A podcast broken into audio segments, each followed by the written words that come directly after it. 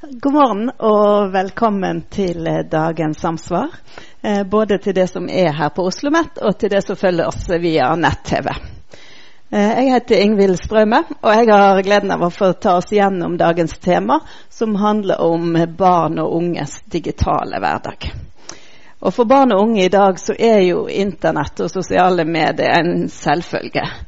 Mine barn pleier f.eks. å si til meg 'Stakkars deg, mamma, som vokste opp uten Internett'. Mens jeg syns jo det er helt strålende. Men barn og unge, er de egentlig bevisst den eh, hverdagen de vokser opp med? Eh, er de bevisst at de er forbrukere når de er på nettet? Kjenner de igjen hva som er reklame, og hvordan de skal forholde seg til presset fra markedsaktørene? Og vet de hvilke personlige opplysninger som egentlig strømmer ut på nettet ifra de? Skuespiller Ane Dahl Torp for eksempel, hun gikk ut nå for et par uker siden og ville ha aldersgrense på sosiale medier og maner til et tettere samarbeid mellom skole og foreldre. Og vi har også en pågående debatt om bloggere. Hvilke ansvar har de eh, overfor barn og unge når det gjelder f.eks. kroppspress? Og hvilken rolle har så skolen, og hvilken rolle har foreldre? Foredragsholderne på Samsvar i dag de skal snakke om en del av disse problemstillingene. Og Først ut så er forsker Dag Slette med oss fra Forbruksforskningsinstituttet SIFO. Han har jobba i mange år med problemstillinger rundt teknologi, rundt nye digitale medier, digital markedsføring og digital kompetanse. Og han vil gi oss en introduksjon til dagens tema om det å være ung forbruker i digital hverdag. Velkommen, Dag. Ordet er ditt. Tusen takk. Skal vi se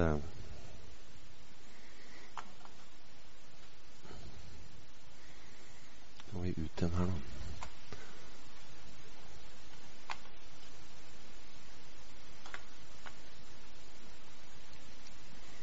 Er mikrofonen min på? Ja.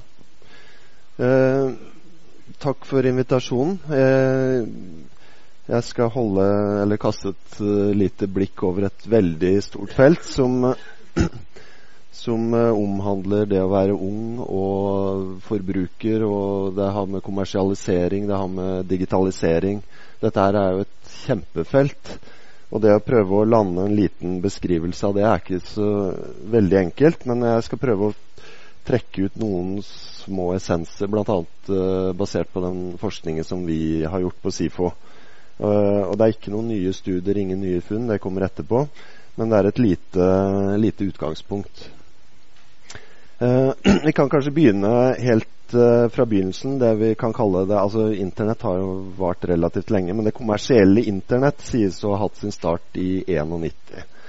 Og, og, bakgrunnen for det er jo at da da blei cyberspace på en måte tilgjengelig for hvermannsen med brukervennlige grensesnitt. Og etter hvert så fikk man også søkemotorer og, og tilgang til innhold. Men det var jo denne Altså da var jo Man kalte det jo cyberspace, og det var et utemma, et uutnytta mulighetsrom som man på en måte ikke Altså i dag så ser vi at det er mye mer regulert. Eh, det er, det er store maktkonsentrasjoner. Det var helt annen, et helt annet forhold til Internett på den tiden. Derfor så var det også veldig mange la oss si, kommersielle cowboyer, og du fikk dotcom-krisen. Det var mye som skjedde.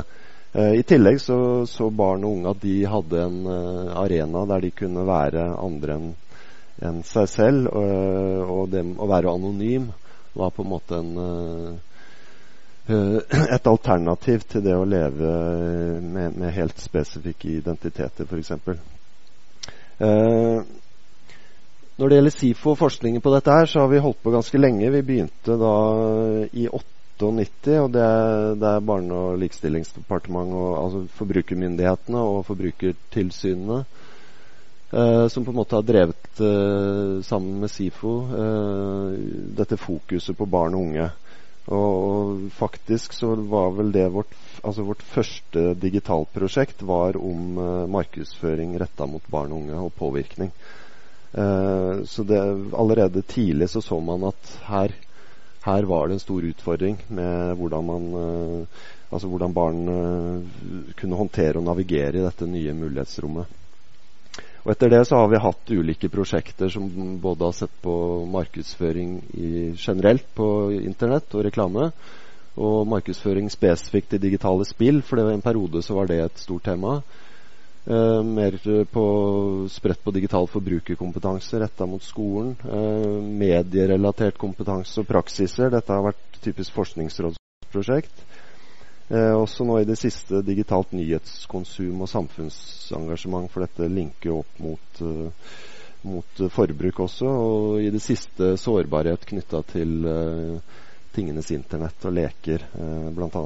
Eh, i forbindelse med det arbeidet som Forbrukerrådet har gjort på dette feltet.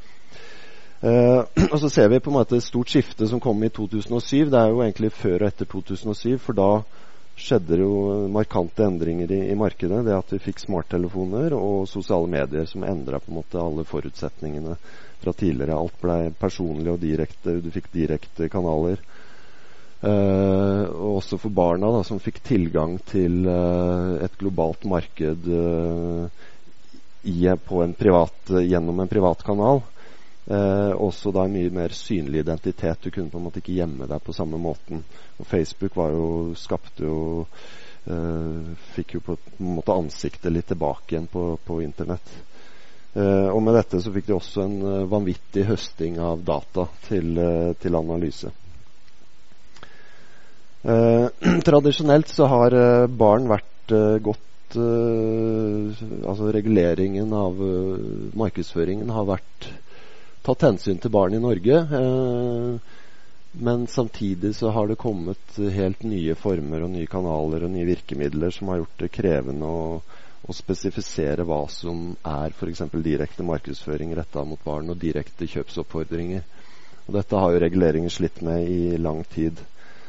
Hvis vi ser på tilnærminger, både sånn fra forskningssiden og fra offentlige diskurser på dette, her, så er det jo kanskje to hovedretninger. Dette at barn er sårbare og må beskyttes, bl.a. fordi de er eksponert hele tiden, og det at de er faktisk kompetente aktører i et marked fordi de er eksponert hele tiden. Altså det, er, det er noe med treningen som gjør at de faktisk eh, Altså eksponering gjør dem sårbare, men samtidig kompetente. Og det å på en måte balansere Noen velger bare én kritisk tilnærming, annen en fortolkende litt sånn mulighetstilnærming. Noen ser på begge muligheter, at det er en både-og-situasjon. Uh, Rent forbrukerpolitisk så har det vært et mål å skjerme barn mot uh, på kommersiell påvirkning. og Man har vært opptatt av aldersregulering og, og dette at barn utvikler seg og har uh, Og det at de, evnen til å forstå uh, budskap, det, det, utvikler seg for hvert år som går. Og Derfor så har man også sett at man, altså de konkrete virkemidlene man har jobbet med, har vært eh, eh, på utdanningssiden. Dette å koble til kompetanse og, og lære barn å kjenne reklamens hensikt, form, eh, virkemidler. Hvis vi ser da på, på, på reklame spesifikt. Eh, den har kanskje vært veldig sånn innholdsfokusert og, og tatt lite hensyn til at eh, sånn som det er i dag, da, at det ligger en del eh, underliggende mekanismer og aktører som, som er vanskelig å få tak på.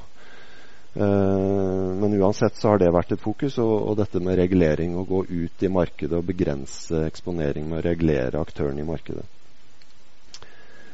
Uh, vårt utgangspunkt er jo at uh, altså digitale arenaer er på en måte i, i prinsippet kommersielle. alle arenaene er kommersielle på en eller annen måte.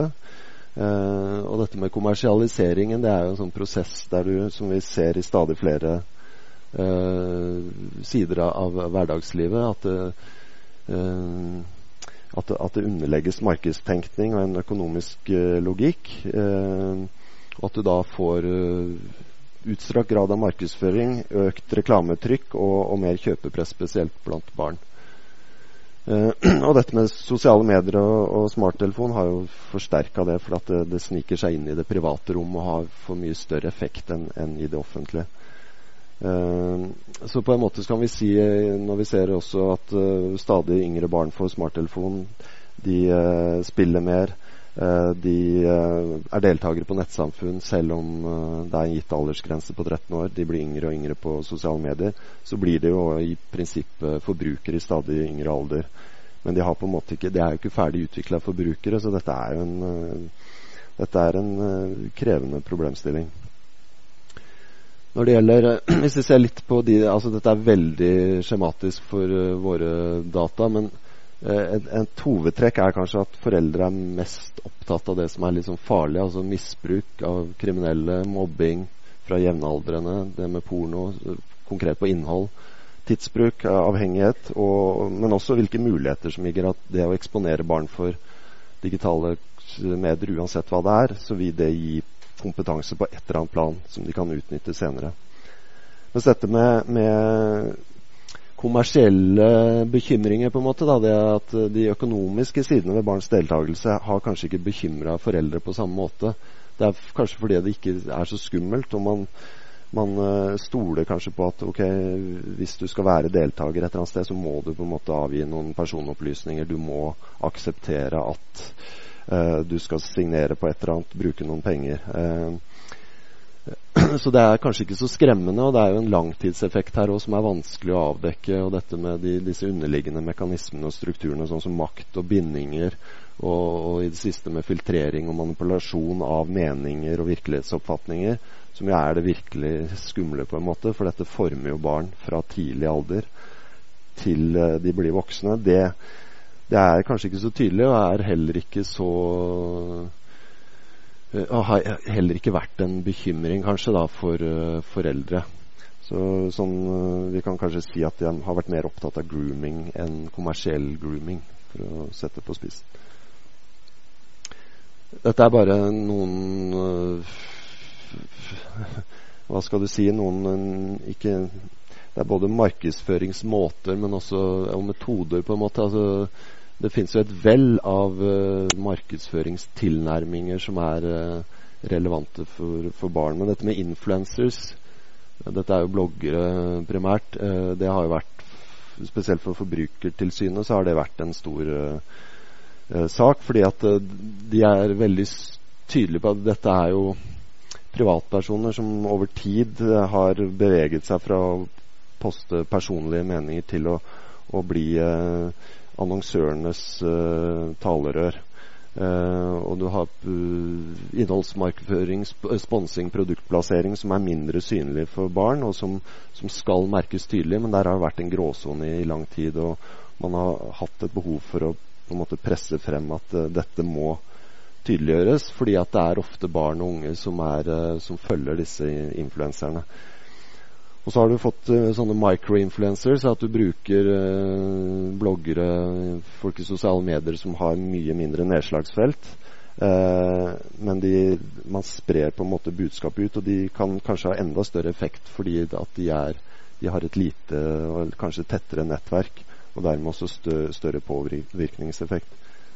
Og nå det siste disse virtual influencers, der man på en måte dropper hele å betale påvirkere, men lager uh, avatarer som på en måte som har blitt populære. De har jo millioner av følgere, disse òg. Uh, uh, og det er jo en, det er jo en interessant utvikling, fordi at i prinsippet så er det jo da tilbyderne som bare former hele fremtoningen til disse virtuelle avatarene, og kan da forme på en måte kanskje de kommersielle identitetene til følgerne også. Ja, peer-markedsføring, bare det at, uh, at man uh, Altså, barn er jo aktive i å formidle markedsføring selv også, ulike, på ulike måter. Um, dette med nettvarder som man har prøvd ut i det siste, som har fått mye kritikk, men det at smarte omgivelser begynner å kommunisere med barns smarttelefoner. Altså Alt dette blir jo kraftigere regulert nå med de nye personvernreglene. Men Likevel så er jo dette ting som testes ut, og, og man finner gråsoner som, eh, som, man kan operere i. Og så nettilkoblede leker og utstyr eh, som eh, Forbrukerrådet har spesielt har gått inn i. Og vi ser at det har vært altså bare Kayla og disse få lekene. altså Det har vært mange problemstillinger. Og dette er spesifikt retta mot barn. Du har hatt manglende sikkerhet. Uh, ulovlige brukervilkår. Uh, samtaler tas opp. Det har vært skjult forhåndsprogrammert uh, markedsføring. Mulighet for kjøp i spill. og direkte koblinger til kommersielle aktører. Og så selvsagt dette med al algoritmestyrt reklame i sosiale medier. At man bruker data, alle typer data, segmenterer sånn at altså har, I personlig markedsføring så man, bruker man jo navnet. Eh, gjennom denne type algoritmestyring og, og stordataanalyse så kan man komme helt inn på brukeren uten navnet, men vite veldig mye mer. Så det er jo i prinsippet kanskje en, en form for personlig markedsføring, men, men har kanskje ikke det juridiske innpakningen som gjør det til det. da. Eh, oppsummert eh, altså Hele poenget bak dette her er jo denne som sikkert alle er enige i også, dette at, vi, at, barn i dag har behov for en veldig sånn sammensatt kompetanse for å klare å navigere dette, uh, dette landskapet. Og, og det er uh, i, i, bunn og grunn at, at disse arenaene er kommersielle. Uh, og det, det, tror jeg er noe å ta med seg. For det betyr at det er en arena der de også kan få bygd opp en kompetanse som de kan utnytte på alle andre områder. Uh, i sosiale sammenhenger som uh, offentlige, altså som borgere. Så det er en viktig arena å ta hensyn til, men også utvikle kompetanse på. Så det er en sånn samkjørt digital forbruker-mediekompetanse som, som uh, kanskje bør utvides i mye større grad enn det man ser i dag da, i skole og i, på andre arenaer. Så er det bare noen sånne hva, altså, De bør jo kunne gjenkjenne både budskap og reklameformer, og, men også aktørene bak og hvilke hensikter eh, disse har. Og dette er jo ikke lett, så dette må jo andre hjelpe til med, f.eks. gjennom forskning eller gjennom eh, eh, annen etterforskning. Og Det å kunne gjenkjenne skjult markedsføring, det å kunne navigere i disse systemene og skjønne hvor man er, f.eks. Hvis du har et produkt da, som en influenser uh, promoterer, så, er, så, gjøres det kanskje gjennom Snapchat. Og den Snapchat-kontoen uh, aksesserer det gjennom sin Apple eh, telefon. Og, så det er jo en hel linje her som man må forholde seg til og skjønne hvor man er i. Og alt dette er jo kommersielt. Um, men også dette at uh, i dag så er, skal jo alt være smart. Men smart høres jo tilforlatelig ut, men det betyr jo at noe er tilkobla uh, nettet eller kommuniserer med andre gjenstander, og at, det er, at det er kommuniserende. Og det betyr jo at data utveksles på et eller annet nivå. Så smart bør tas med en klype salt. Um, i tillegg så er det dette med annonsebørser. Dette er jo vanskelig altså Datatilsynet har jobba og andre har jobba med dette, prøve å forstå hele dette annonsemarkedet. og Det er jo ekstremt krevende. og Det er helt umulig for vanlige forbrukere å skjønne hvordan dette fungerer. så det, her må jo Man må forstå at dette skjer, men det er selvsagt myndighetene som må gå inn og regulere den siden. Men det er veldig viktig å forstå. og dette at data er et byttemiddel, øh, men som per i dag ikke har hatt en stor altså Det har ikke blitt satt en stor verdi på det for forbrukerens side, så det har bare blitt bytta i, i, alt mulig rart. Så dette, denne verdien av persondata må jo også opp og synliggjøres for barn uh, som fremtidige forbrukere. Uh, og dette med binding er ekstremt viktig. Det fordi at man begynner så tidlig, f.eks. gjennom Apple-systemet, at du er på en måte du blir på en måte prima som en forbruker i det systemet både fysisk eh, med bindingen, men også sånn mentalt. Og, og, og, og blir kanskje da en type Apple-person gjennom livet. Eh, er bare, Apple er bare ett eksempel, men det er, det er jo alle disse plattformene og innlåsingsmekanismene og lojalitetsprogrammene som florerer. Altså Målet er jo bare å få eh, forbrukerne til ikke bli engangskunder, men å, å, å på en måte få de til livsvarige kunder. Men samtidig så er det jo vanskelig altså Det er noe vi diskuterte i går, og dette her med lovgivning. For det, det, er viktig, men samtidig så ligger loven veldig sånn langt bak i, uh, i noen systemer. Og myndighetene har et behov, bør komme mer frem og forenkle lovverket og gjøre det synlig for, også for forbrukerne. Uh, fordi at uh, vi trenger mer kunnskap om hvilke rettigheter vi faktisk har både markedsføringsloven, den nye personvernlovgivningen og forbrukerlovgivningen. Jeg merker jo selv at jeg ikke kan eh, nok om noen av disse lovgivningene, selv om jeg jobber på feltet. Og det burde vært helt selvsagt at vi skal kunne grunnleggende om disse for å kunne hevde vår rett i markedet.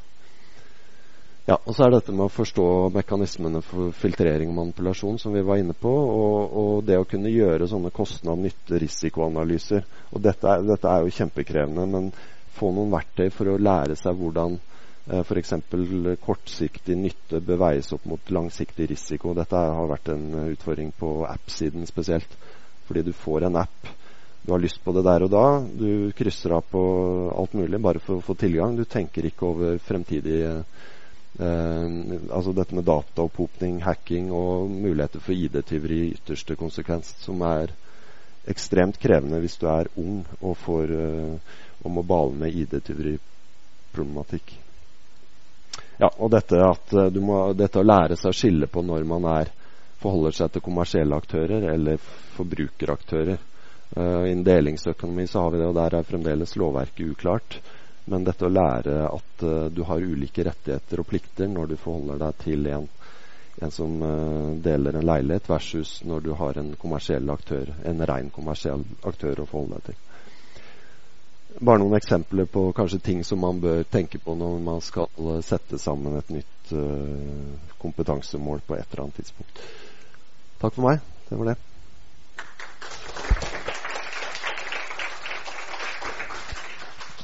Takk skal du ha, Dag.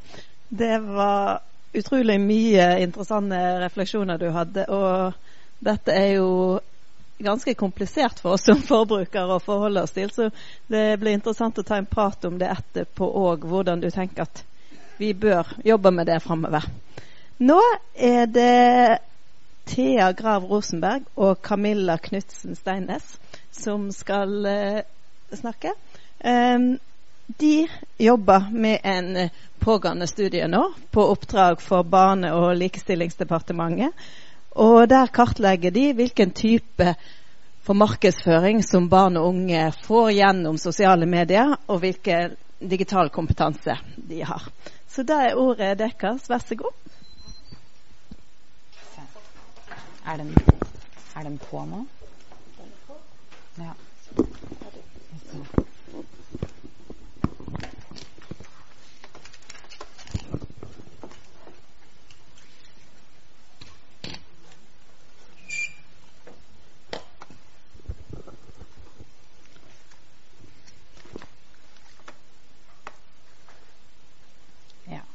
Hei, hører du meg?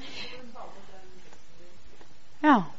Nå tar vi den på full Vi bare tar full. Jeg har manus ved siden av, jeg. Der, ja. Det går bra. Hei. Takk for invitasjonen, invitasjon. Eh, Camilla og jeg skal her i dag eh, fortelle om vårt pågående forskningsprosjekt som handler om ungdom, barn og sosiale medier. Vi er egentlig midt i dette prosjektet. Vi startet opp i januar, og så rapporten skal være ferdig i november, så vi er egentlig akkurat ferdig med datainnsamlingen. Så i dag så skal, bare, så skal, vi fortelle litt sånn generelt om prosjektet, hva vi har gjort, skal jeg fortelle om først. Og så skal vi fortelle eh, om Vi har jobbet litt med å eksperimentere litt med nye metoder med barn og unge i sosiale medier. Så det vil vi fokusere på. Og så vil Camilla fortelle litt foreløpig funn til slutt. Eh, for tiden så pågår det flere debatter, som ble nevnt innledningsvis her, om barn og unger i sosiale medier. Det handler om eh, Snapchat og aldersgrenser, for mye utseendefokus i sosiale medier. Eh, sminkevideoer på YouTube kan gi dårlig selvbilde. Kroppspress, misbruk av data, uheldige data, dem som, skal, dem som skal regulere aldersgrenser, ulovlig YouTube-reklame og merking av reklame. Så det vil si at tematikken som er i dag, er at tematikken barn og unge sosiale medier er veldig aktuell, og egentlig så er vi egentlig superaktuelle. Nei da. Eh, men uh, felles for disse debattene er at uh, de handler om bekymringer knyttet til at sosiale medier påvirker barn og unge negative. Eh, men det det kanskje ikke har vært så mye debattert om mens før har det kanskje ikke vært så mye debattert om det kommersielle presset, som Dag nevnte litt. Så kan vi se her nå at, at flere er opptatt av hvilken effekt markedsføringen i sosiale medier kan ha på barna. Og det er her vår studie kommer inn. da. Eh, I vårt prosjekt skal vi bidra med kunnskap om hva barn faktisk, faktisk eksponeres for inni sine, sine, sosiale medier. Og hvordan de forholder seg til dette. Det vil si, altså skal først, I den første problemstillingen så undersøker vi hva slags type markedsføringsstrategier barna får inn i sine mobiltelefoner. Eh, vi ser på hvilke markedssak, eh, det vil si at vi ser på hvilke virkemidler som rettes mot barn, og vi da bl.a. får kartlagt hvilke markedsaktører, altså det, hvilke annonsører er det som er hissigst til stede, som prøver å slåss om oppmerksomheten til barna. Og eh, i, så det er den første. Og i den andre så skal vi undersøke så vil vi også undersøke hvordan barna forstår disse strategiene. Så da eh, skal vi Altså, vi ønsker å finne ut deres erfaringer med denne markedsføringen, og hvordan de opplever det. Og så til slutt, på den eh, nummer tre, så skal vi gjøre en eh, survey. Hvor vi skal En landsrepresentativ survey med barn. For å, teste, eller for å undersøke deres digitale kompetanse. Så for å undersøke alle disse problemstillingene, så har vi eksperimentert litt med metoder fordi vi vil inn i mobilene til barna. Fordi når vi skal finne ut hvilke markedsføringsstrategier er det barna får, så er jo dette, som Dag nevnte, veldig skreddersydd. Så derfor eh, har vi testet og, eh, noen metoder som vi nå har laget en film på. Så vi ønsker å vise, så nå skal vi bare vise hva vi har gjort. Eh, og så etterpå så vil jeg fortelle litt om hvordan det gikk. så da kan vi snurre film. Hvis det går. så det er et poeng å nevne at jeg har ikke sett denne filmen sjøl. Den er ny, ja, den, den er rett og slett nyklippa. Ferdig redigert i, i morges. Ja. Det finnes ingen markedsføringsfrie soner for barn lenger. Med mobilen konstant i lomma er annonsørene bare et lite tastetrykk unna. Hvordan kan vi vite hva som finnes i mobilene deres når markedsføringen er blitt så personlig og skreddersydd? SIFO har utviklet to nye metoder for å studere barnas digitale hverdag.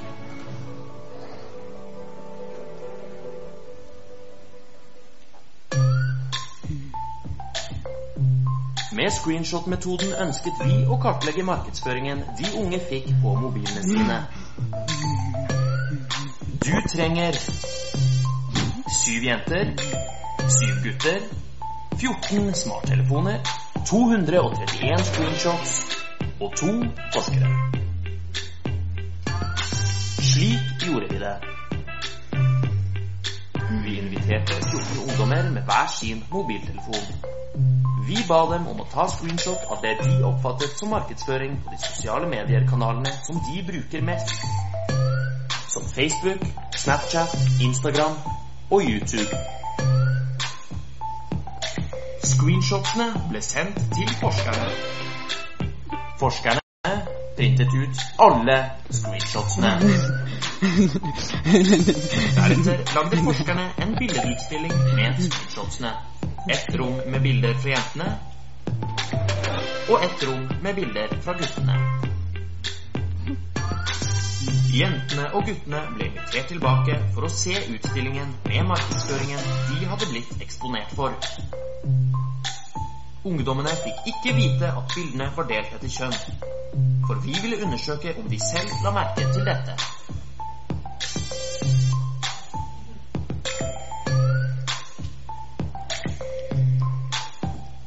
Med emoji-metoden ønsker vi å få ungdommens reaksjoner og meninger om markedsføringen. Du trenger syv jenter, syv gutter, 231 bilder, emoji-klistremerker, kommentarbobleklistremerker og to forskere. Slik gjorde vi det. Ungdommene fikk utdelt ett ark med emoji-klistremerker og ett ark med kommentarboble-klistremerker. Symboler de kjenner godt fra sosiale medier. Ungdommene fikk i oppgave å uttrykke meningene sine om markedsføringen de hadde blitt eksponert for. De kunne også bruke emojisene for å fortelle oss hva de syntes om markedsføringen de hadde fått i sine mobiler.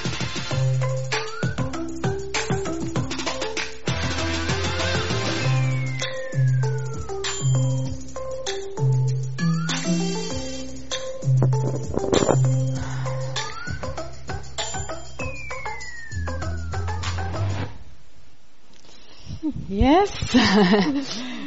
Da var dere det første publikum på denne filmen. Så fikk dere litt innblikk i mm, hva vi har drevet med de siste to månedene på SIFO. Og innblikk i hvor mye slit det er å printe. 231 bilder, det kan vi, Camilla spesielt, Ja. skrive under på. Så jeg vil bare, vi vil bare kort nå fortelle litt, litt om hvorfor vi har utvikla disse metodene. Den første metoden i så var screenshots-metoden. da.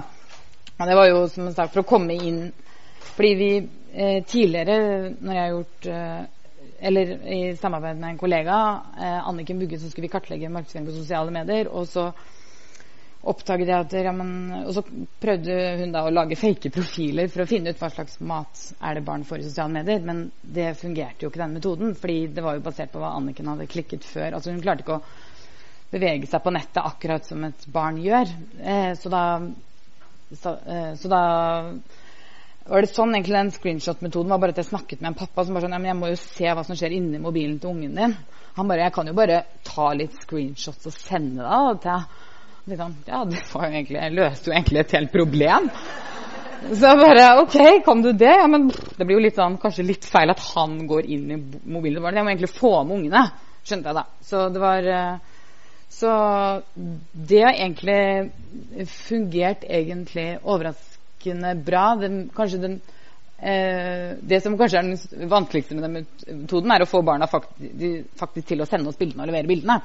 Så det lærte jeg forrige gang jeg hadde gjort det. Så nå så fant vi på at da gjør vi det i en fokusgruppesetting, og så er det sånn at du får gavekort når du har levert bilder. Altså Da er jobben gjort, liksom. Eh, Så eh, det funka. Eh, og grunnen eh, til Ja. Eh, ja, så Det som var fordelen med metoden, at vi fikk helt undersøkt helt konkret hva som kan være konsekvensen av den skreddersydde markedsføringen. F.eks. kunne vi undersøke om gutter og jenter fikk den samme markedsføringen. Og hva barna oppfattet som markedsføring. For i den metoden så ba vi barna ta bilder av det de oppfattet som markedsføring. Så etterpå skal Camilla fortelle litt om hva vi fant med denne metoden. Og så var det den neste metoden vi gjorde, som vi også så på film, som er emoji-metoden, hvor, eh, hvor da kommer barna tilbake uka etter, og da har vi en ny fokusgruppe hvor eh, vi da har hengt opp eh, disse utstillingene, som, eh, eh, som også, eh, også var ganske morsomt å teste ut, fordi vi hadde ikke gjort det før. Men det, da spurte vi om ikke de kunne Vi spurte de Først hadde vi bare et helt åpent spørsmål. og bare, Vi lagde et rom med markedsføring som gutter hadde fått, og et annet rom med det jenter hadde fått. Så sendte vi jentene inn, og så spurte vi bare Hva ser dere her? Og så sa vi ikke noe om at vi hadde delt etter kjønn, men de, det, så, det kan jeg bare røpe. Den catcha de etter ett sekund, liksom. At her er jenterommet, her er gutterommet. Jeg hadde ikke engang spurt, jeg hadde ikke engang sagt er det jenterom, er det gutterom. Så, um, det, så det var på en måte Da er vi litt over i den eh, Ja. Eh, ja, så emoji-metoden da, ja, da var vi jo litt over i Da gjorde de emoji-metoden først. At jeg spurte kan vi få deres reaksjoner, som vi så i filmen. Hvor de da skrev på Da fikk vi også deres kommentarer og meninger. Og vi sa f.eks. sånn at eh, hvis dere skulle gitt eh, hvis, hvis dere skulle sagt til norske myndigheter hva dere syns om å få den markedsføringen dere hadde fått, hva vil dere si? Så, eh, virker, så barna syntes egentlig denne metoden, denne emojisen, syns de var veldig morsomt. Så det var egentlig ganske Det var egentlig veldig glad for. for jeg, eh, så, så de, og de fikk også masse ut av det. Fordi de på en måte skrev, skriver masse kommentarer i bildene, og de blir veldig engasjerte. Så det er på en måte Vi får rike data. Eh, og, den, så da på en måte gjorde vi den emojis-metoden først. Og da kunne de individuelt få utdelt hvert sitt sånn klistremerkeark. Og så etterpå så gikk vi rundt med de for å få som walk-along, der hvor vi på en måte spurte om deres erfar... Eller spurte om kanskje om de hadde lyst til å utdype de kommentarene de hadde lagt igjen. Ja.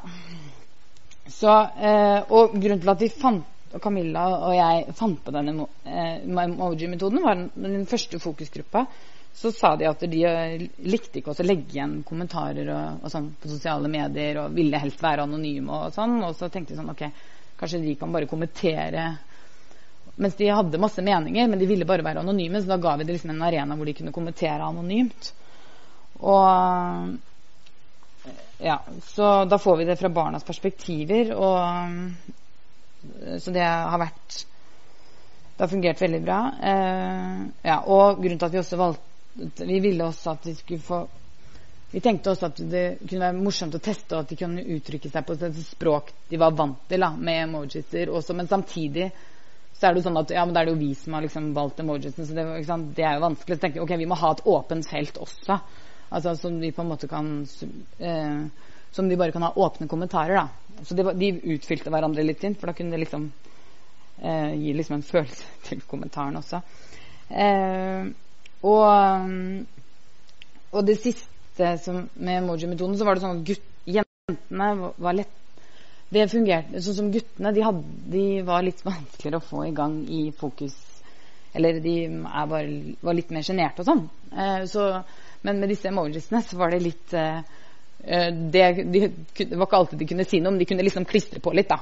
Og så kunne de liksom eh, være med litt, da, disse unge, unge sjenerte guttene. Så det var også litt fint. Og, ja. Eh, og før vi skal i gang med funn, så skal jeg bare kort fortelle litt om hvorfor vi lager film i dette prosjektet. filmen som dere nå har sett, er et samarbeidsprosjekt med et fils filmselskap som har laget den, hvor vi eksperimenterer med måter vi kan nå en yngre aldersgruppe med forskning.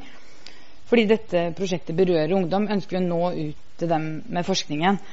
Så eh, vi tenker, det, eh, tenker, kanskje at det kan brukes At det kan være nyttig for de, få, eh, de som har vært med på prosjektet, og hva er, som, hva er, det de finner, og hva er det som skjer. Og det var egentlig sånn det begynte, og at de var interessert i å følge prosjektet. så vi eh, har allerede begynt å dele lage, De videoene skal på sosiale medier, så de skal i alle de kanalene hvor barna er.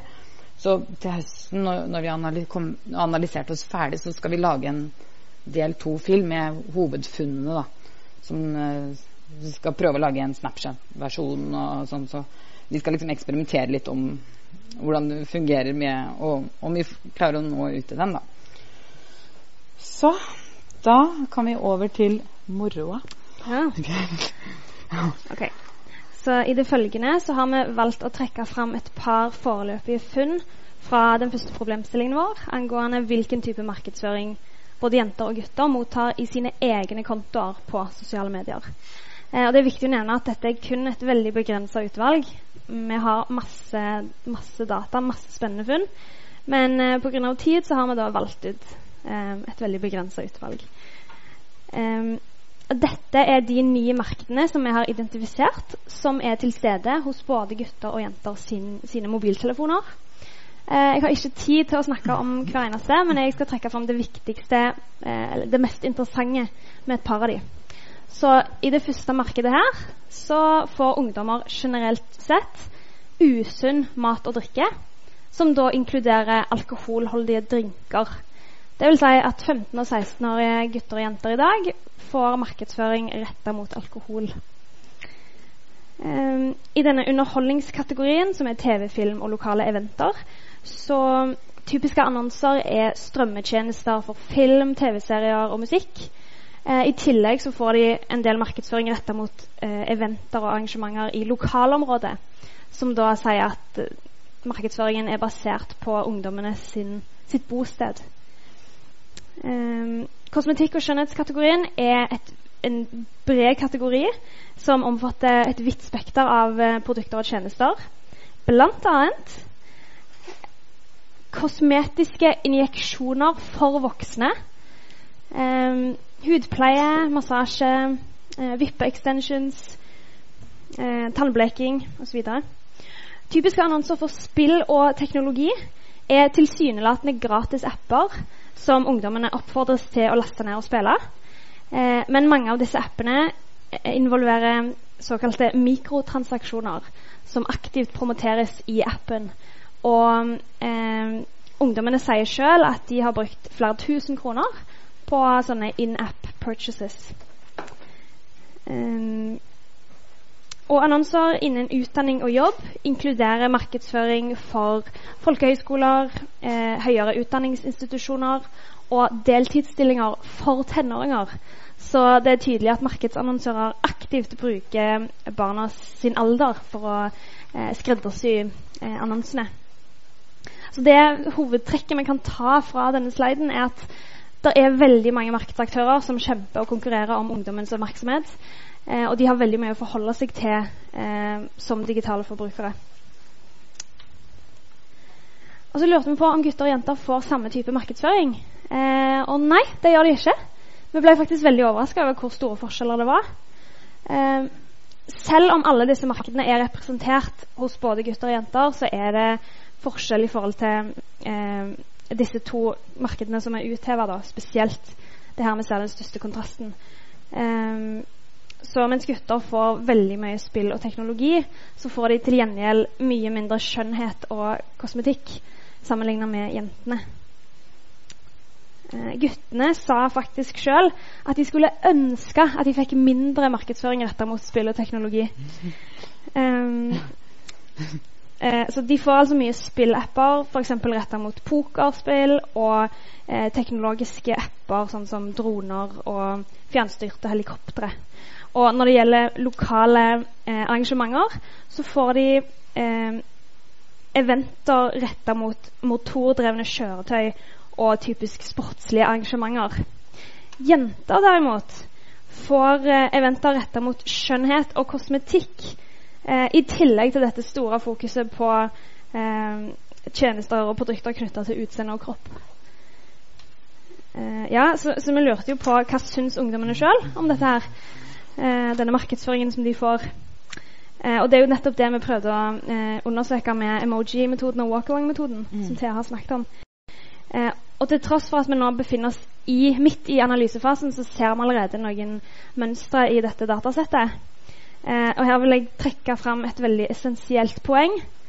Så jentene uttrykker sjøl veldig stor bekymring over at de får såpass mye markedsføring retta mot kropp og utseende. Eh, og de sier at de tror dette bidrar til lavere selvfølelse blant tenåringsjenter eh, i Norge i dag. Eh, og til og med guttene sier dette, helt uavhengig av jentene. Så guttene syns ikke det er greit at jentene blir utsatt for denne typen og denne grad av uh, utseendefokusert markedsføring. Uh, her har vi et eksempel da, som demonstrerer at gutter og jenter får totalt ulik eh, fremstilling av samme produkt.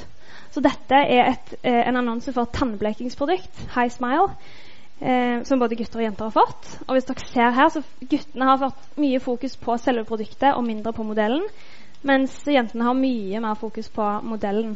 Eh, så her er det tydelig at markedsannonsørene har laga en slags jenteretta og en gutteretta versjon av eh, produktreklamen. Mm. Ja, og vi fant også at markedsføring skreddersys etter bosted. Det er tydelig at de vet godt hvor barna bor. Nå var Det sånn at det var ganske mange av våre barn som bodde veldig nærme Brynsenteret. Så vi fikk, da fikk vi veld, så veldig tydelig at det, det vet det. Og det syns også barna eh, er litt eh, ubehagelig. Som vi kan se på den her, så står det Hvor nøye vi, det? Hvor nøye vet de hvor jeg bor? Skummelt. Ja. Eller hvordan vet de hvor jeg bor? Skummelt. Ja. Og, så, og, og så er det igjen dette kroppsfokuset som de, som de ikke liker. Ja, og så er det også så fant vi et ganske interessant eksempel på at markedsføring skreddersys etter etnisitet. Fordi i fokusgruppen med, var, med, guttene så var det gutter fra flere forskjellige land, og bl.a. en gutt fra India. Han hadde mottatt denne reklamen her, som er for en Instagram-reklame for indiske bryllup. Så, så, eh, og han eh, reagerte veldig på det sjøl. Det var ingen av de andre guttene som hadde fått det. Så han sier at det føler deg litt rart skummelt at noen vet om kulturen min og har gitt en reklame basert på det sier han da. Så, så, han sa ja, at han hadde jo ikke sagt hvor han var fra, så han syntes det var veldig rart, da. Yes. Så det vi gjerne vil at dere skal ta med dere fra denne presentasjonen, er at eh, ungdom, norsk ungdom i dag får, blir eksponert for markedsføring som i stor grad er skreddersydd etter kjønn, alder og bosted.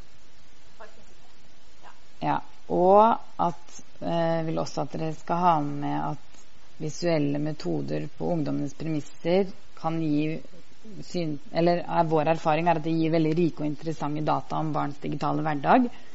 Eh, så um, både med den klistremerkemetoden og Mojis-metoden eh, er egentlig kan vi egentlig anbefale, rett og slett. Da tror jeg vi avslutter der. Takk for oss. Tusen, tusen takk skal dere ha. Det var utrolig spennende. Veldig mange svært aktuelle funn, så det har du helt rett i, Thea. Eh, og det jeg òg tenkte på, var at dette uttrykker så utrolig hvor viktig det er med tverrfagligheten som er på SIFO. Sånn, du har bakgrunn som medieviter, og Camilla bakgrunn som psykolog. Og her er det komplekse problemstillinger som krever ulike tilnærminger. Det har vært interessant å, å jobbe videre også med hvordan enda flere faggrupper bør jobbe med dette. Og det får vi inn nå, for nå er det eh, Bård Ketil Engen, som eh, er førsteamanuensis ved Fakultet for lærerutdanning og internasjonale studier, som skal eh, innlede på det som handler om digital dømmekraft i skole- og lærerutdanning, og hvilken rolle nettopp skolen har for å lære barna denne kompetansen, som det ikke er tvil om at de trenger etter det siste innlegget. Så vær så god, Bård Ketil.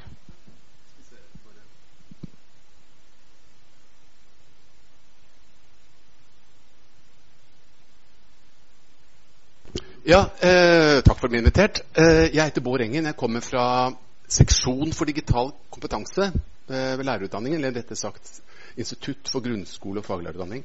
Eh, jeg har med to kollegaer med på sliden her, for dette har vært et sånt prosjekt som har utviklet seg over litt tid. Og både Tonje og Louise har vært med, eller vi tre har vært, vært sammen om dette hele veien. da. Men eh, jeg kommer da fra en seksjon som heter Seksjon for digital kompetanse. Eh, vi er åtte heltidsansatte, eh, og vi har ansvaret for undervisning i digital kompetanse for hele lærerutdanningen. Eh, og det impliserer også selvfølgelig digital dømmekraft. Eh, ja, Temaet vi underviser i selvfølgelig er jo da personvern, opphavsrett, kildekritikk. har vært en del av undervisningen. Uh, og Opptakten til noe det jeg, skal, det jeg skal snakke om i dag, er skjedde for en del år tilbake. Uh, kollegaen min Louise som sitter der, hun hadde invitert Ola Torvund, altså han er professor nede på juridisk, til å holde en forelesning for uh, hele fjerdeårskullet om opphavsrett. Og så, det, Vi snakker da om 400 studenter. dette var frivillig, selvfølgelig. og så Louise kommer, og Ola Torven kommer, og så kommer det én student. Og så begynte vi å nøste dette her, da, eller Louise, Louise begynte å nøste dette her, og så spurte hvorfor, de andre studentene hvorfor kom dere ikke. Nei, nei, vi, vi, vi kan alt det der, vi. Ja, ok. Så dere kan alt dette her. Ja, dette er interessant. Dette må vi finne mer ut av. Er, og ut fra det så startet vi opp et, et forskningsprosjekt som, vi, som da het LDK, som står for Lærerstudenters digitale kompetanse. Og ut av det prosjektet så det, fikk vi da en idé til denne antologien her som heter Digital dømmekraft. Det er eh, artikler som er skrevet på norsk, som er fordelt på personvern, opphavsrett og kildekritikk, med et særlig fokus på skole og lærerutdanning. Eh, I senere tid så har eh, LDK blitt utvidet til et internasjonalt prosjekt som, heter, eh, som er som er finansiert med Rasmus Pluss. Jeg kommer tilbake til det helt mot slutten av innlegget her. Ja. Ok. Det har vært mye snakk om barn og unge her. Og ja, som første innlegget var inne på her, så er det liksom Internett har jo da utviklet seg siden den gangen vi oppsøkte Internett. Altså, Internett er ikke noe lenger vi oppsøker. Det er noe vi bærer med oss i lomma. Og det er Ehm, med lomma, altså I lomma betyr det også at vår posisjoneringsdata blir inngang til Internett. Eh, og barn og unge har da dårligere forutsetninger for å vurdere digital dømmekraft enn en voksne. Eh, de har dårligere forutsetninger for å, eh, hvordan de digitale mediene fungerer i sammenheng. Og det som i hvert fall er sikkert, er at skolens oppgave til knyttet til å håndtere disse utfordringene kommer til å øke i tiden fremover.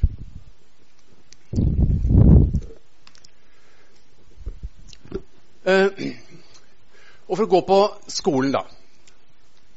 I rammeverket for en grunnleggende ferdighet defineres digital dømmekraft som et ferdighetsområde innen eh, digitale ferdigheter. Og Legg merke til ordet 'ferdigheter'. Eh, ferdigheter mener jeg er noe annet, noe annet enn kompetanse. Kompetanse er noe som er videre, som betyr noe mer. Eh, kompetanse igjen er da noe som vi har oh, kanskje i den engelskspråklige verden snakker om literacy. Og Da snakker vi da om et ganske stort felt. Så sånn som For skolens del så har man da et literacy-felt som er redusert til kompetanse, og som i læreplanen har blitt knyttet ned til et ferdighetsområde. Digital dømmekraft er i skolen en del av digital ferdighet, som er igjen er en del av de eh, som fem grunnleggende ferdigheter som skal integreres i fag.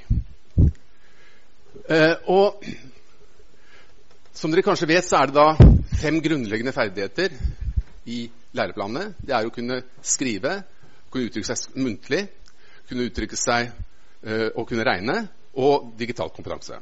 Eller digital ferdigheter. Mens øh, det å kunne regne blir på mange måter altså blir tatt vare på matematikkfaget.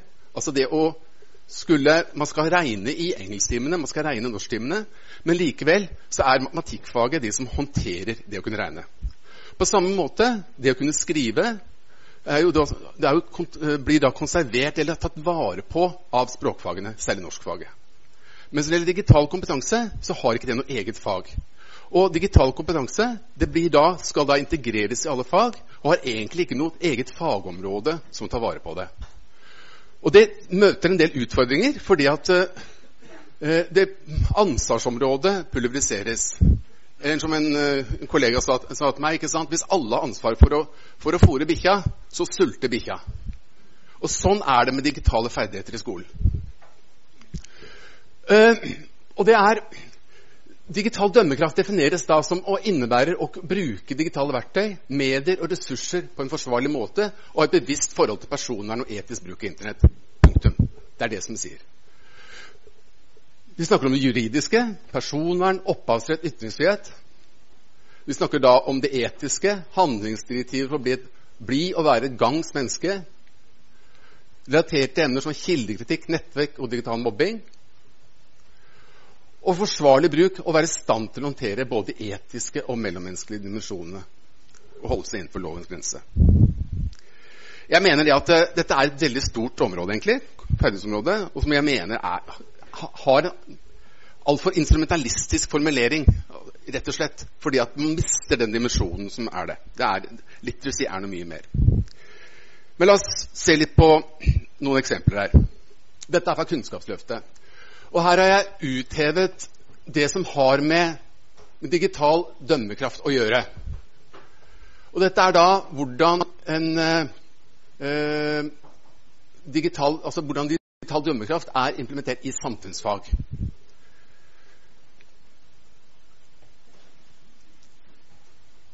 Og det er Ja, skal gå på neste. Eh, og dette er da knytta til kompetansemålet til syvende trinn.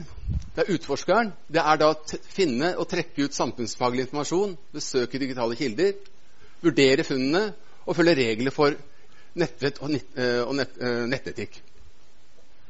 Og så er det da å kunne bruke digitale verktøy til å presentere samfunnsfaglig arbeid og følge regler for personer og opphavsrett. Fra norsk er det særlig da å kjenne til opphavsrettslige regler for bruk av kilder. Dette er da eksempelet hva eleven skal kunne. Og som dette sier igjen noe om skolen og lærerens ansvar og forpliktelser og behov for kompetanse.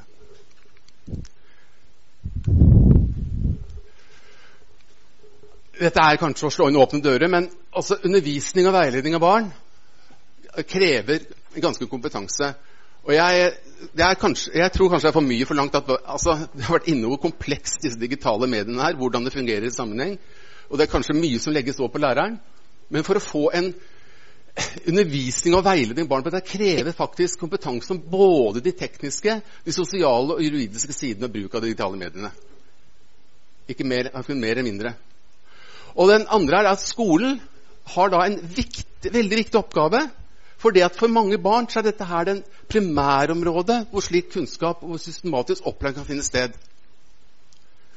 Altså, mange barn har ikke hjemmeforhold som, eller foreldre som er i stand til å veilede dem i, i, i dette landskapet.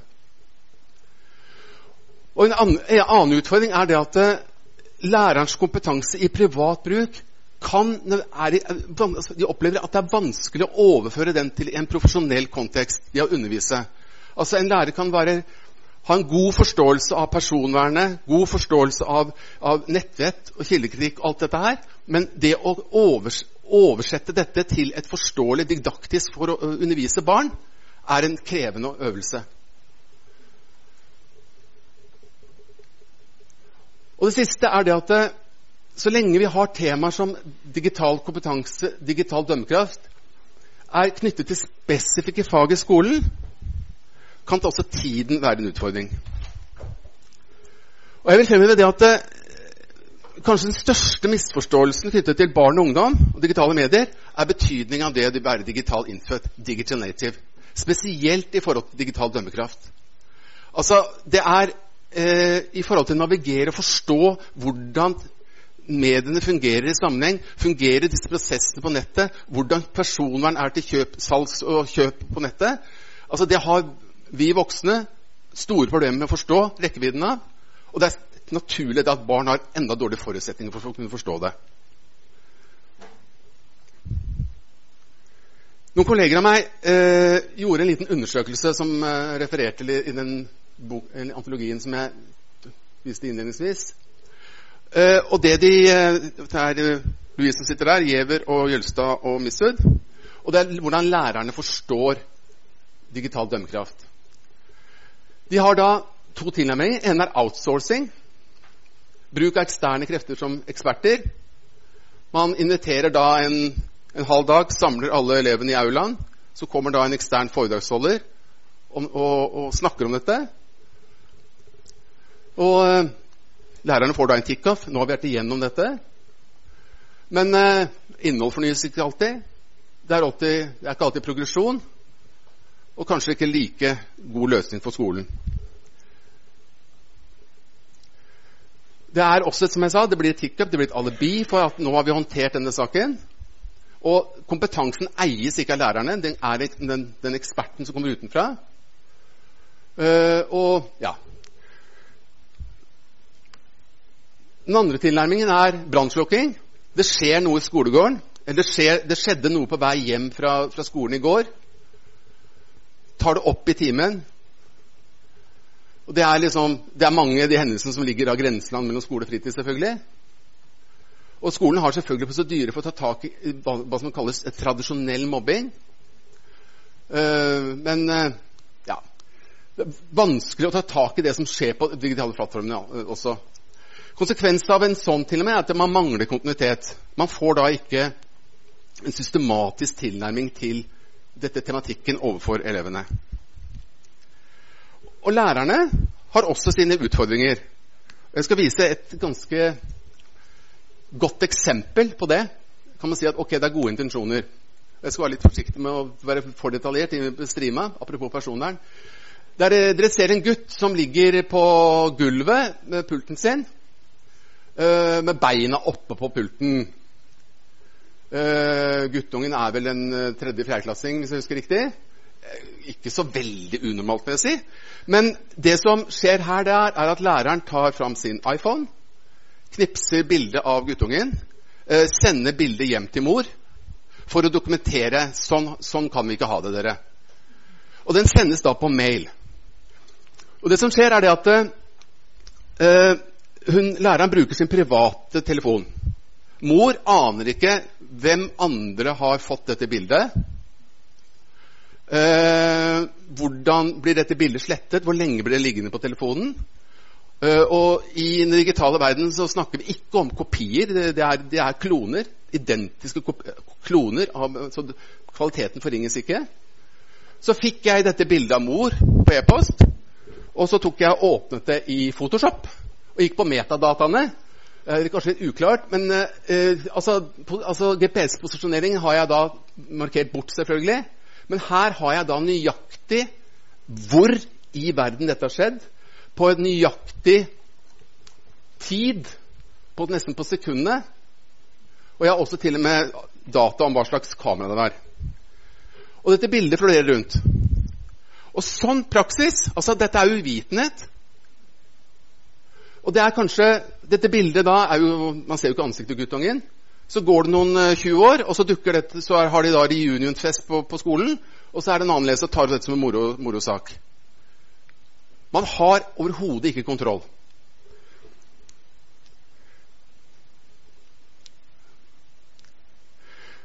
Læreren har sikkert gode intensjoner, men dømmekraften syns jeg det står dårligere til med.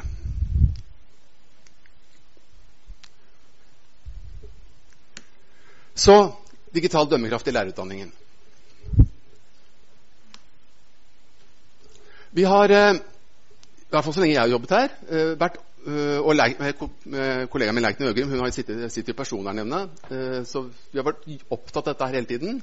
Med å integrere altså, temaer som personvern, opphavsrett, kildekritikk og nettvett inn i undervisningen vår. Vi har hatt gjesteforelesere fra Datatilsynet, Røde Kors, politiet, Redd Barna. Og så har vi hatt det som en obligatorisk del i undervisning for fjerde året gammel ordning. Altså Lærerutdanningen nå har blitt femårig, så jeg skal straks komme tilbake til det. Uh, men dette er noe som vi har, da, har integrert i undervisningen. Med særlig fokus på at de skal straks ut i skolen. Så er det da ny lærerutdanning. Og det, der står det, altså, det er faktisk grunn til optimisme. Fordi at uh, i den nye femårige lærerutdanningen så er det mye tydeligere føringer for, uh, for enn tidligere for fag gjennom hele studieforløpet. Uh, utfordringen vi har hatt frem til nå, er etter hvert mangel på eksplisitte krav om, om didaktisk pedagogisk bruk av IKT. Og det har vært et ja, for å si det, ikke så veldig godt samsvar mellom læreplanen for grunnskolen og, og, og lærerutdanningene. Likevel så er det sånn at både skolen og lærerutdanningen mangler fremdeles et tydelig regifag som har et dedikert ansvar for en systematisk opplæring. Eh, og skolen har løst problemet med kompetansemål for bruk av digitale verktøy i hvert enkelt fag. Uh, mens lærerutdanningen er organisert i fagseksjoner og har frem til nå da manglet da et, tverrgående perspektiv. Denne modellen her skal leses fra bunnen og oppover. Dette er førsteårsstudentene. Uh, og dette er da noe som vi kaller en, av de gjennomgående søyler ved, hele studieforløpet knyttet til digital kompetanse. Og som du kan se, så ligger da temaer som digital dømmekraft ligger inn på de alle årene som, som, uh, som er studenter. Og i forbindelse med vi skrev fagplaner for nye femårige lærerutdanningen, så har vi også fått skrevet inn dette i, uh, på læringsutbyttebeskrivelsesnivå på, innpå fagene så jeg er sikker på at dette, dette temaet er blitt ivaretatt. Mm. Yes. Uh, snart ferdig. Jeg sa at vi hadde utviklet den, eller videreutviklet det prosjektet med eh, lærer, lærerstudenters digitale kompetanse til et internasjonalt prosjekt. Og det har vi fått uh, partnere med oss fra, fra Valencia, lærerutdanningen i Valencia.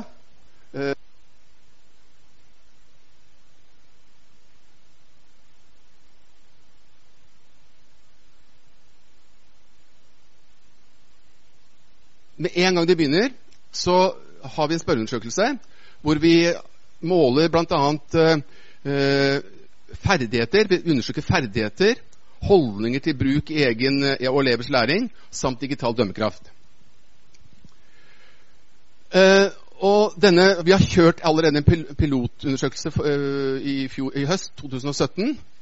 Eh, og det som er helt klart, er det at uh, det gjelder tver, på tvers av alle institusjoner, er at studentene vurderer sin egen kompetanse som bedre enn det den reelt sett er. Men det vi skal gjøre ut av dette her, er det at vi skal, når vi da, vi skal ta, kjøre da undersøkelsen på første året, og så tar vi da opp igjen tre år senere, når studentene kommer i tredje året, så kjører vi da en tilsvarende undersøkelse. Og På den måten kan vi få noen indikasjoner om har, hva slags utvikling de har vært, har, har vært gjennom de tre årene.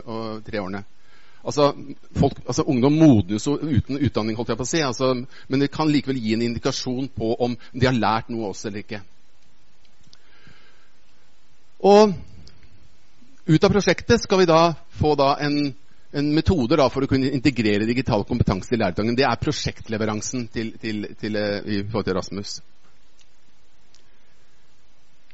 Ja, jeg tror jeg hopper over den, jeg. Så er det spørsmål, men det skal vi ta til etterpå. Ja.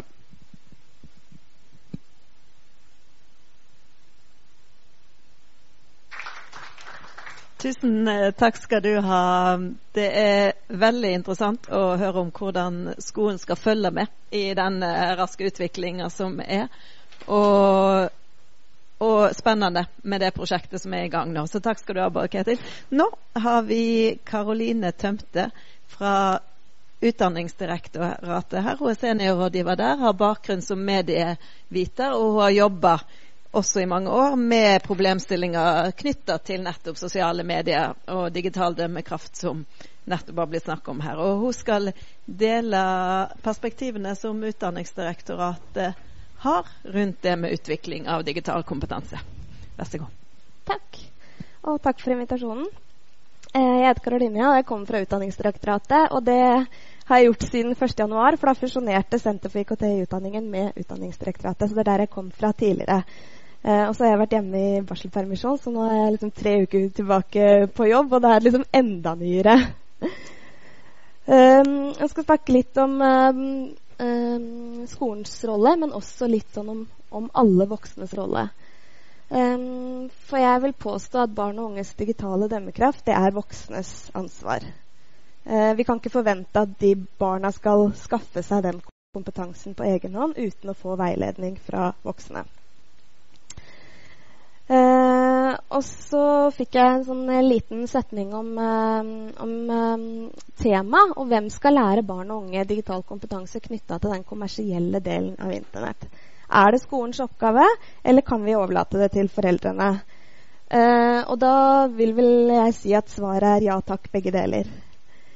Um, og så er jeg veldig glad for at jeg er sist, fordi da kan jeg liksom bare vise til alle innleggene som har vært før. Og så trenger ikke jeg bruke tid på å gå gjennom uh, alle de tingene. Men uh, når vi snakker om uh, den kommersielle delen av Internett, hva er det? Vi har fått mange eksempler på det tidligere. Markedsføring, direkte reklame, sponsing av innlegg i sosiale medier.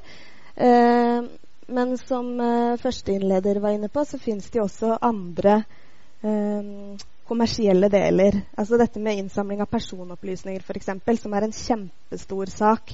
Og som det, selv om det ikke er knytta liksom, direkte kjøp og salg og penger nødvendigvis til, så er det personopplysninger som er ofte kalt liksom, framtidens valuta, eller den viktigste valutaen. Um, så svaret mitt er jo ja takk, begge deler. Gjerne skolen, og gjerne foreldre. Um, vi har en tjeneste som heter dubestemmer.no, som uh, nå Utdanningsdirektoratet driver sammen med Datatilsynet. Og her ser dere jo at under denne fanen voksne som er markert, så har vi en egen fane for lærere og andre. En spesifikke grupper andre. Uh, men det er da andre profesjonelle voksne. Og så har vi skoleeiere og skoleledere og foresatte. Og grunnen til at vi har gjort det på den måten, er jo fordi at vi mener at alle disse voksengruppene har en rolle når det gjelder å lære barn og unge digital dømmekraft. Uh, og så kan vi jo si at Eh, skolen har en formalrolle fordi det er et ansvar som er pålagt dem. Og så når vi kommer til foreldrene, så er det liksom, hva kan vi pålegge foreldrene? Jeg skal si litt mer om det etterpå.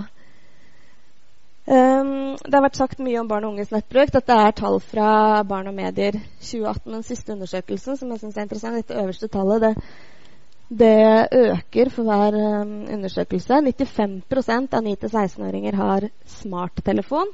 Uh, og når det gjelder telefon, altså en mobiltelefon, så er tallet 99 Uh, og 87% av 9-11-åringer og 97% av 12-14-åringer har en smarttelefon. Uh, I tillegg så vet vi at de har tilgang til nettbrett og datamaskiner og bare laptoper og mange andre dingser som har tilgang til Internett. Uh, og 79% av 9-18-åringene i undersøkelsen oppga at de hadde brukt sosiale medier dagen før de ble spurt. Uh, og 30% hadde brukt det i to timer eller mer. Og så ser vi også Når vi ser på aktivitetene de utfører, så er det jo de samme tingene som vi gjerne bruker uh, mobilen til eller Internett til. Uh, mye av det er fritidsbasert, men det er også mye som er skolebasert. og når det er sånn at skolen også bruker en del tjenester som er kommersielle, og som, kanskje, som er utvikla for andre formål, så må vi også se på ikke bare den læringsbruken, men Eh, også hvordan bruken av verktøyene påvirker eh, elevene. Så dette er bare et eksempel på, på innhold henta fra dubestemmer.no, som handler om den kommersielle delen. Digitale spor, uh, hvor vi, hvordan vi legger igjen personopplysninger. Så sa jeg det at uh, skolen har et formalisert ansvar. Læreplanverket er skolens ansvar. Vi har opplæringsloven, som sier noe om hvordan eh, skolen og opplæringen eh, skal gis. Vi har den overordna delen av læreplanen, som tidligere het generell del av læreplanen, som ble endra eh, ved årsskiftet. Vi har de grunnleggende ferdighetene, som eh, Bård var innom. Det fins fem grunnleggende ferdigheter. Den ene er digitale ferdigheter. Eh, de ble også endra ved årsskiftet, så beskrivelsen er noe annerledes nå.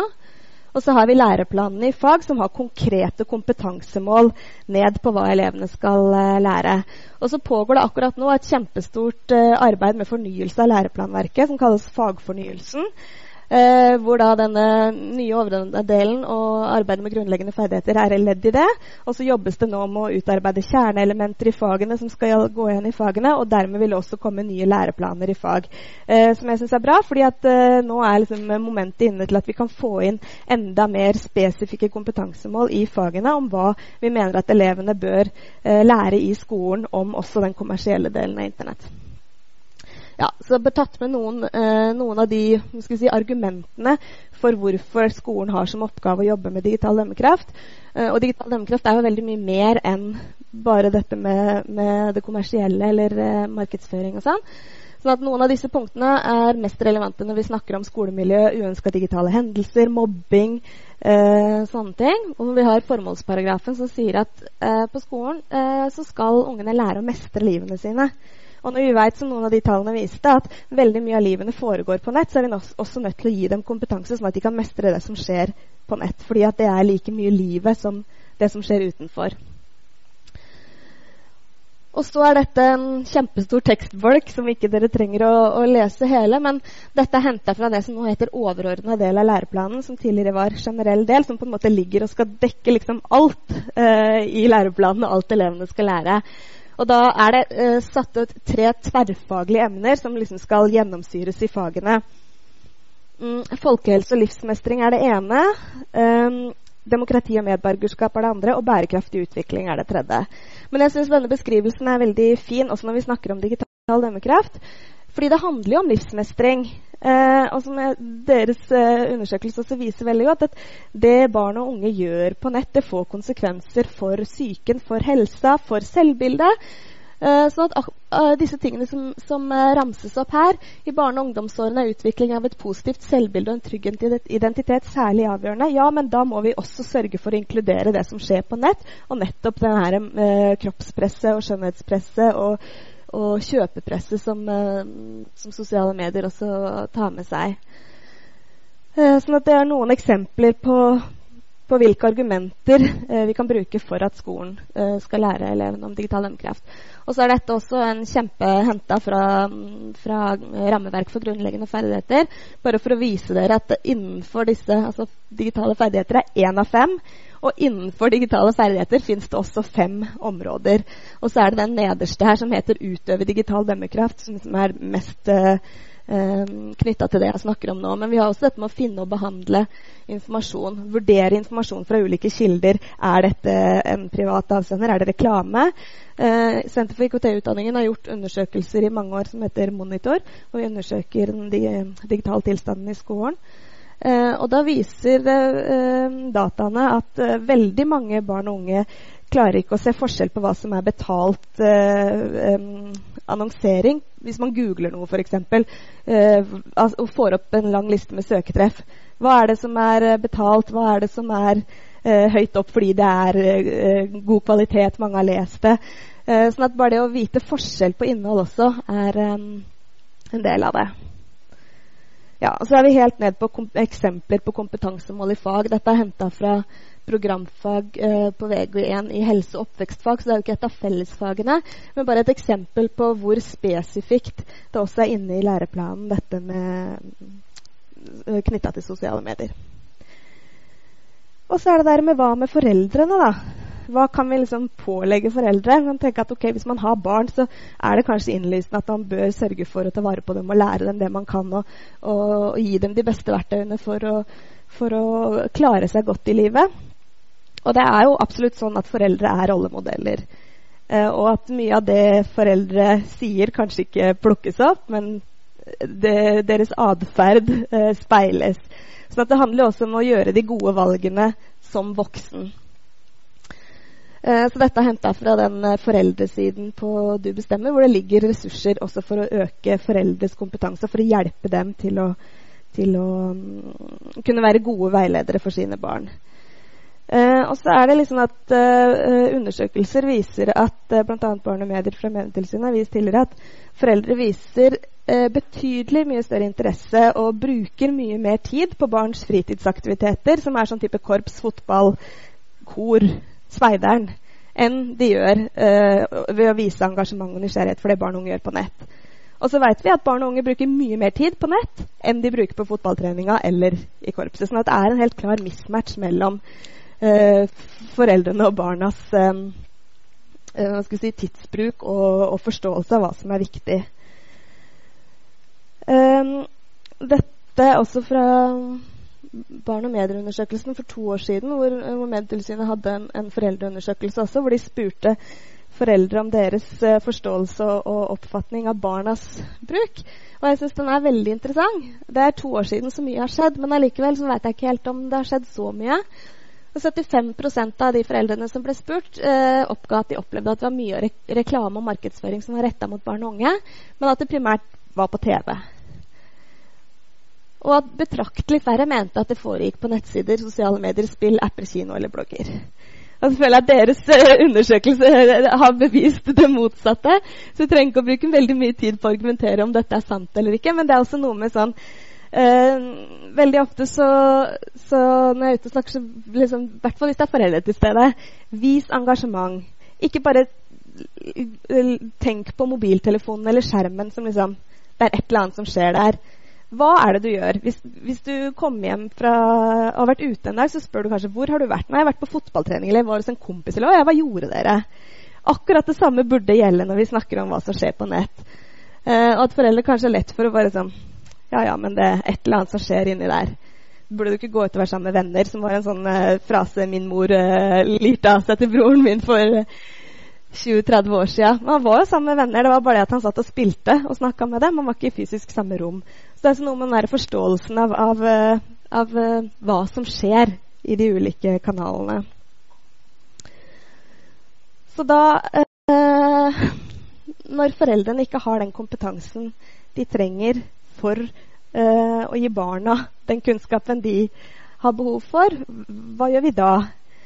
Eh, og Det er jo derfor jeg tenker også at skolen har en veldig viktig oppgave. Skolen har et mandat til å utjevne forskjeller. Sørge for at alle barn får de samme mulighetene, får den samme kompetansen. Og med tilgang på verktøy eh, Det er flere og flere skoler som sørger for én-til-én eh, på utstyrsfronten til eh, elever, sånn at ikke det er uh, avhengig av økonomi, f.eks. Um, og så har man jo vært veldig fornøyd og opptatt av at liksom, det er jeg er ikke sikker på det spesifikke tallet nå, men det er, sånn, det er 97% har uh, Internett i Norge, bredbånd, trådløst. alt er liksom, det er ikke noe, Vi er så høyt på toppen. Ok, Men hva med de 3% som ikke har det? De barna som ikke har mulighet til å skaffe seg den kompetansen, ikke har mulighet til å bli like flinke. For det viser jo også EU Kids Online, stor europeisk undersøkelse, at for å få digital kompetanse, for å klare seg godt på, på nett, så må man øve. Og det er helt logisk. Øvelse gjør mester. Selvfølgelig blir man ikke flink av å ikke få prøve. Uh, og det å få prøve seg frem i trygge omgivelser med god veiledning, både fra skolen og fra foreldrene og fra alle trygge voksenpersoner, så vil man ha bedre forutsetninger for å klare seg. Og så vet vi også at de barna som er sårbare, de er sår ekstra sårbare på nett. Så det bare forsterker seg.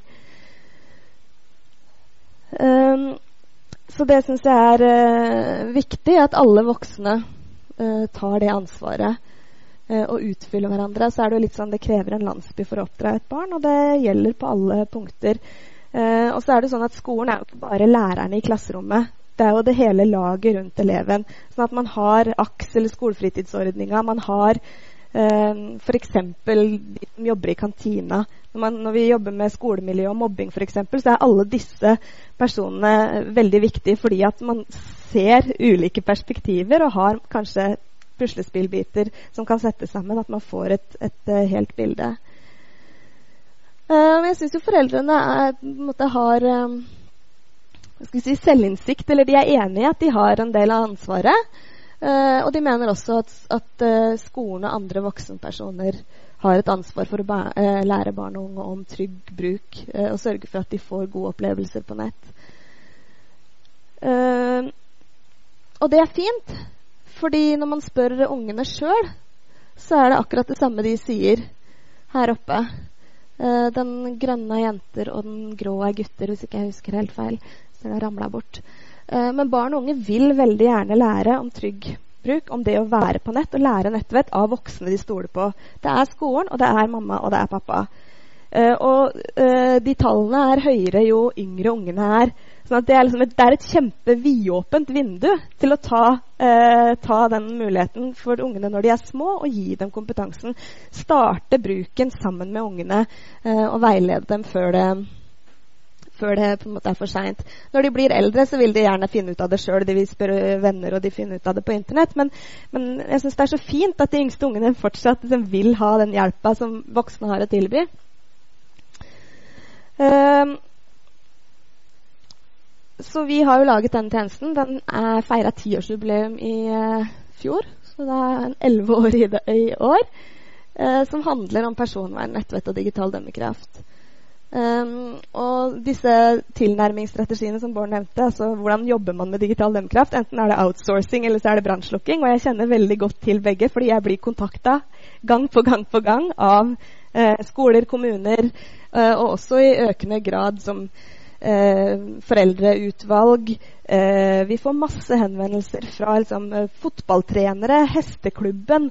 Eh, det er alle eh, voksne som er i kontakt med barn eller har ansvar for barn, som føler at de har, her er det et eller annet vi må liksom gripe fatt i.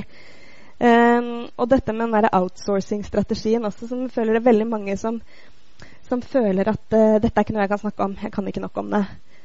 Uh, og selv om vi har laget denne ressursen som vi tenker at her er liksom et verktøy eh, til å gi den kompetansen, sånn at de kan eh, gå ut og, og, formidle videre, så er det mange som tenker liksom om jeg kan ikke noe om det. Ungene kan så mye mer. Og det er jo kjempefint, for liksom, alle trenger ikke å kunne det samme. Så det å snakke med ungene og få, få veiledning tilbake hva er, det, hva er, det, du gjør her? Hvordan funker det egentlig? Hva er det meningen? Å nei, nå, nå dumma jeg meg ut. For det er ikke bare barn og unge som gjør uh, feil, det er alle.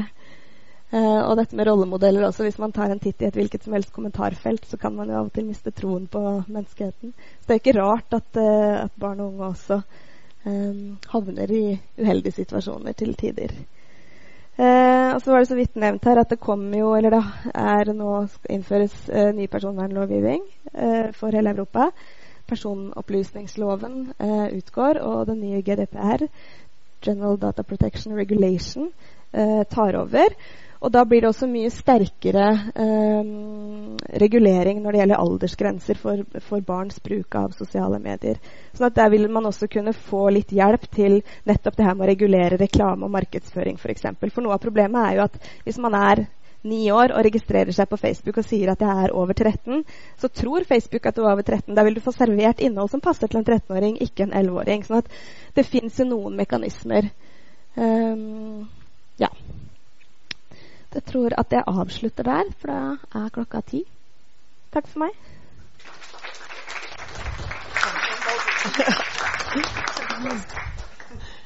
Tusen takk skal du ha.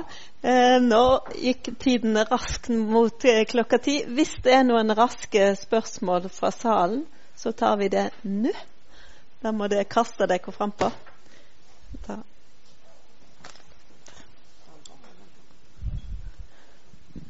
Hei. Jeg heter Ingeborg Krange.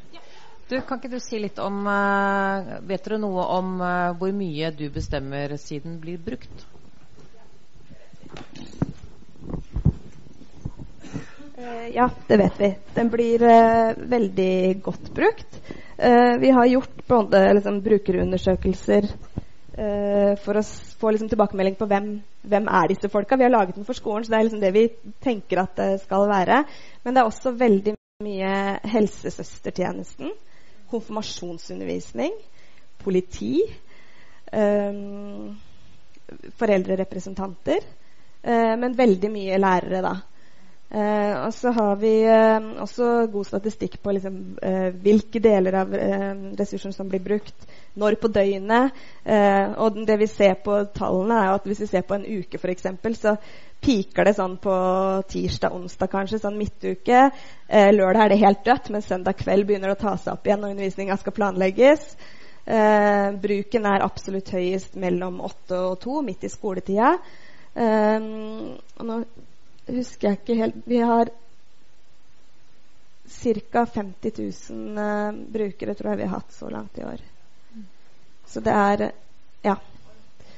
Eh, så det er veldig gode tall. Og så vet vi jo ikke noe om altså For denne ressursen um, er jo også lagd for bruk i klasserommet. sånn at hvor mange personer som ser den, på en måte altså Om det er én lærer som står der, så har du liksom alle skolens elever, eller om det er alle skolens lærere, eller sånn. sånn at um, Det vet vi ikke så mye om.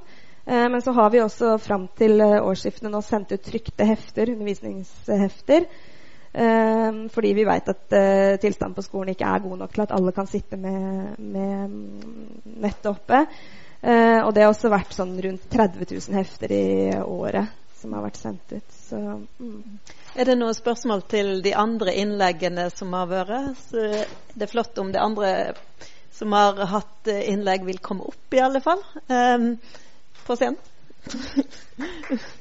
um, og da, Jeg sitter egentlig inne med fryktelig mange spørsmål, men de får vi ta en, en neste episode av. Uh, for dette her er absolutt et aktuelt uh, tema som vi fortsetter med. Og alle de jobber jo med både prosjekter og forskning som vil komme flere resultater på snart. Så da håper vi at vi kan fortsette diskusjonen. Så tusen takk skal det ha. Vi har en liten gave til hver og en av dere. som Takk. Takk, takk. Takk, takk. Takk og takk. Og så Nå tar Samsvar en velfortjent sommerferie. Men vi er tilbake til høsten, og da er det i siste uke i august. Og vi, vi fortsetter med tema som handler om barn og unge, og da er det skolemiljø det kommer til å handle om. Eh, det handler om eh, at ingen burde bli mobba i skolen, men likevel skjer det hver eneste dag. Det som har fulgt med i media, har sikkert sett at det har vært forskning ute fra Oslo OsloMet på disse temaene den siste uka. Og vi har bøker ute på dette nå. Og der får vi bl.a. innlegg fra Ingunn Marie Eriksen og Selma Lyng, som har skrevet om dette. Så følg med, så, så kommer det informasjon om det nye samsvar i august. Og vi har også invitert Barneombudet, så vi håper at hun kommer. Inga Beyer Eng, det nye Barneombudet. Så da kan det bli en spennende diskusjon og ny innsikt på det temaet. Så takk for i dag, og takk til dere som fulgte oss via nett-TV også.